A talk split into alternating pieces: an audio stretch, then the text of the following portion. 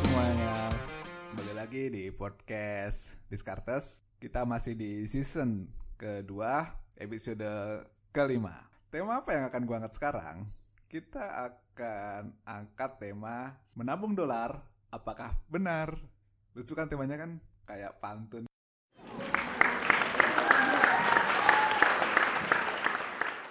Buat teman-teman yang baru join di season kedua ini, podcast Discartes itu ngebahas keuangan, investasi, ekonomi, dan bisnis. Dan di season kedua, gue akan challenge dan mengulik ide yang ada di buku atau pemikiran-pemikiran orang, berita yang ada di sekeliling. Kemudian kalau misalnya ada bintang tamu yang punya idealisme sendiri, nanti gue akan coba untuk undang. Tentu akan gue tambahkan dengan pendapat dan ide yang gue miliki. Itulah sekilas tentang season kedua kita.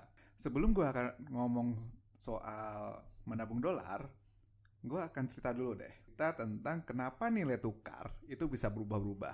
Menurut kalian kenapa guys? Coba mikir, jangan gue mulu yang mau ngomong.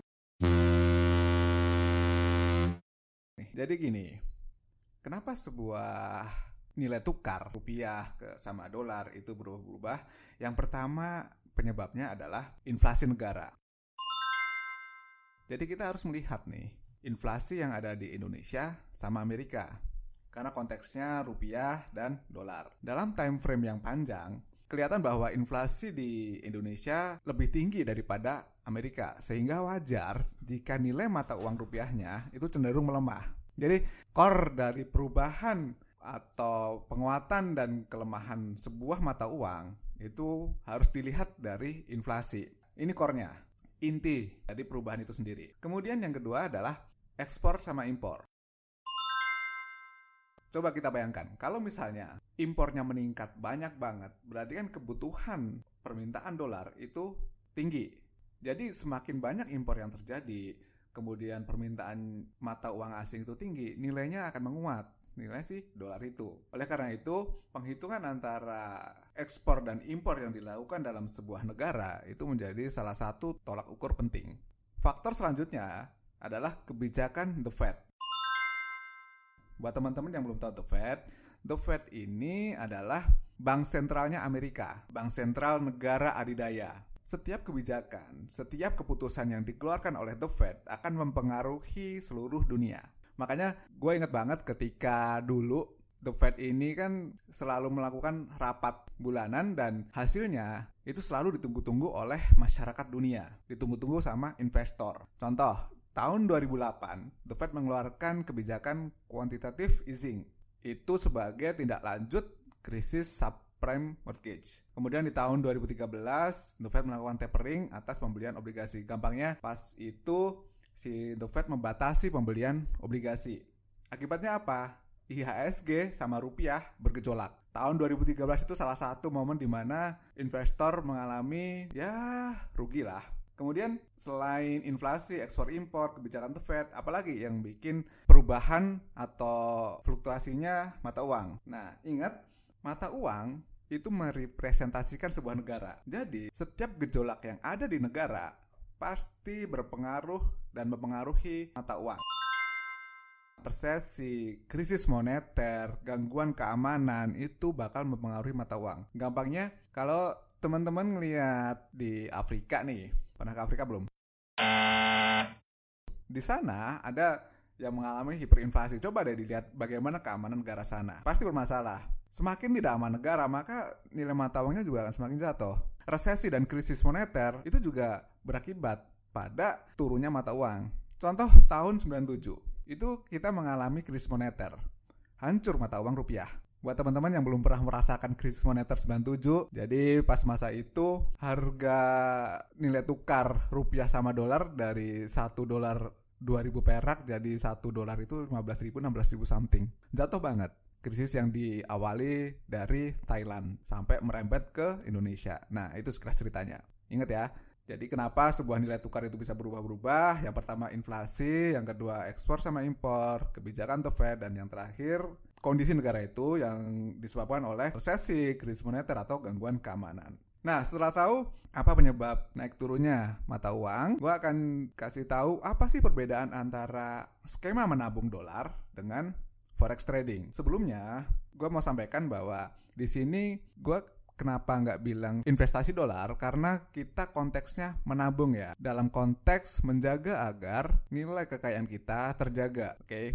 Menabung, bukan mengharapkan cuan yang terlalu tinggi. Jadi ini lumayan konservatif, kita hanya di level menabung. Oke, lanjut. Apa bedanya? Forex trading itu sangat volatile. Kalian kalau mau main di forex trading harus belajar chart, terus melihat momennya, itu harus dimainkan buka dan tutup perdagangan itu bisa dilakukan dalam hari yang sama. Dan ketika lu masuk ke forex trading, lu nggak boleh terlena. Kenapa? Karena salah bisa mengakibatkan margin call. Ya, duit lo bisa habis kalau kena margin call. Kenapa gue bisa ngomong kayak gini? Karena gue udah pernah masuk ke forex trading dan gue udah mengalami cuan, gue juga udah mengalami margin call. Gue udah ngerasain itu. Dan ini gue share ke teman-teman semua apa bedanya skema menabung dolar dengan forex trading. Contoh nih, kalau orang yang kena margin call ini biasanya pas mereka ketiduran gitu. kan sifatnya kan 24 jam nih. Jadi bisa aja pas malam-malam ya udah dah gua istirahat dulu, transaksi didiemin. Ntar deh pagi-pagi gua cek lagi. Nggak jarang kena margin call. Makanya gua sarankan untuk teman-teman yang memang masuk ke forex trading sudah ngerti resikonya dan sudah belajar sehingga siap gitu. Goalnya dari sebuah forex trading itu mencari cuan harian, mingguan, bulanan ya pasti pakai skema kapan harus take profit terus dan lain sebagainya kayak kita trading saham biasa tapi konsepnya adalah kita cari cuan harian. Kalau menabung dolar ini kita lakukan secara rutin dan ada tujuan lainnya. Contoh, lu udah berencana untuk keluar negeri misalnya buat sekolah atau liburan dan itu kan butuh mata uang asing kita bisa mulai menabung dolar dari sekarang dengan tujuan-tujuan seperti itu. Atau tujuan lainnya hedging yang tadi gue bilang di awal hedging ini untuk melindungi nilai kekayaan kita. Ini kan beda nih, goalsnya udah kelihatan beda antara forex trading dengan nabung dolar. Kemudian gimana nih? Sebenarnya cara menabung dolar yang paling sederhana ada beberapa mekanisme. Pernah tahu dong model tabungan dolar yang ada di bank-bank? Nah, kalau seperti ini sebenarnya sama kayak kita nabung saham. Persis. Kita nggak melakukan jual beli dalam waktu sehari. Misalnya gini, kita gajian per bulan itu 10 juta, kemudian bisa saving 3 juta. Dari situ rencana ke luar negeri sudah ada, terus mau nabung nih ada dua pilihan. Yang pertama, apakah kita akan menabung langsung dalam mata uang dolar? Ya udah kita hitung 100 dolar deh setiap bulan. Jadi kalau misalnya bulan ini kursnya 14.000 ya kita akan nabung 1,4 juta. Kalau kursnya 13.000 berarti nabungnya 1,3 juta. Atau kita akan sesuaikan dengan rupiah yang kita miliki. Seperti contoh yang tadi 3 juta nih. Ya udahlah, gua akan nabung 2 juta per bulan untuk dolar karena gue ada rencana beberapa bulan lagi harus keluar negeri. Oke, okay. kalau misalnya kursnya satu dolar belas ribu, berarti kan dapatnya sekitar 142 dolar. Kalau kursnya satu dolar belas ribu, berarti dapatnya 153 dolar. Ya nggak apa-apa model kayak gitu. Jadi tinggal dipilih saja mau model yang seperti apa. Apakah langsung ngunci di rupiahnya atau ngitung dan ngunci di dolarnya. Dua pilihan itu nggak ada masalah sepanjang kamu memang sudah ada alokasinya. Tips menabung dolar biar kita masih terkontrol, nggak terlalu memberatkan cash flow kita dan masih aman dan berguna. Pertama, teman-teman mesti tahu ada spread jual dan beli dolar. Ini kayak emas kan selalu ada tuh perbedaan antara harga beli sama harga jual. Pahami selisihnya. Kalian bisa ke bank atau ke falas exchanger buat cari yang paling nyaman, cari yang paling minim biayanya. Atau misalnya kalau kalian langsung buka tabungan dolar di bank ya perhatikan juga biayanya tuh.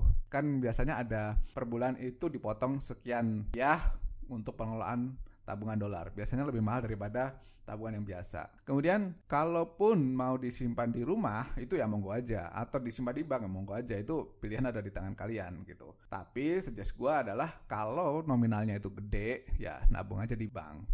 Kalau nominalnya gede setelah itu kalian juga harus tahu nih kenapa mesti menabung dolar. Jadi ngerti alasannya. Setiap tujuan itu punya ciri dan waktunya masing-masing. Gue tidak akan menyarankan kalian untuk menyiapkan dana darurat menggunakan dolar. Kenapa? Karena kita hidup di Indonesia. Kita beli makanan di Indonesia. Lu makan sate kan bayarnya pakai rupiah. Jadi untuk dana darurat, untuk dana lain-lain yang pengelolaannya di Indonesia, saran gue adalah menggunakan rupiah.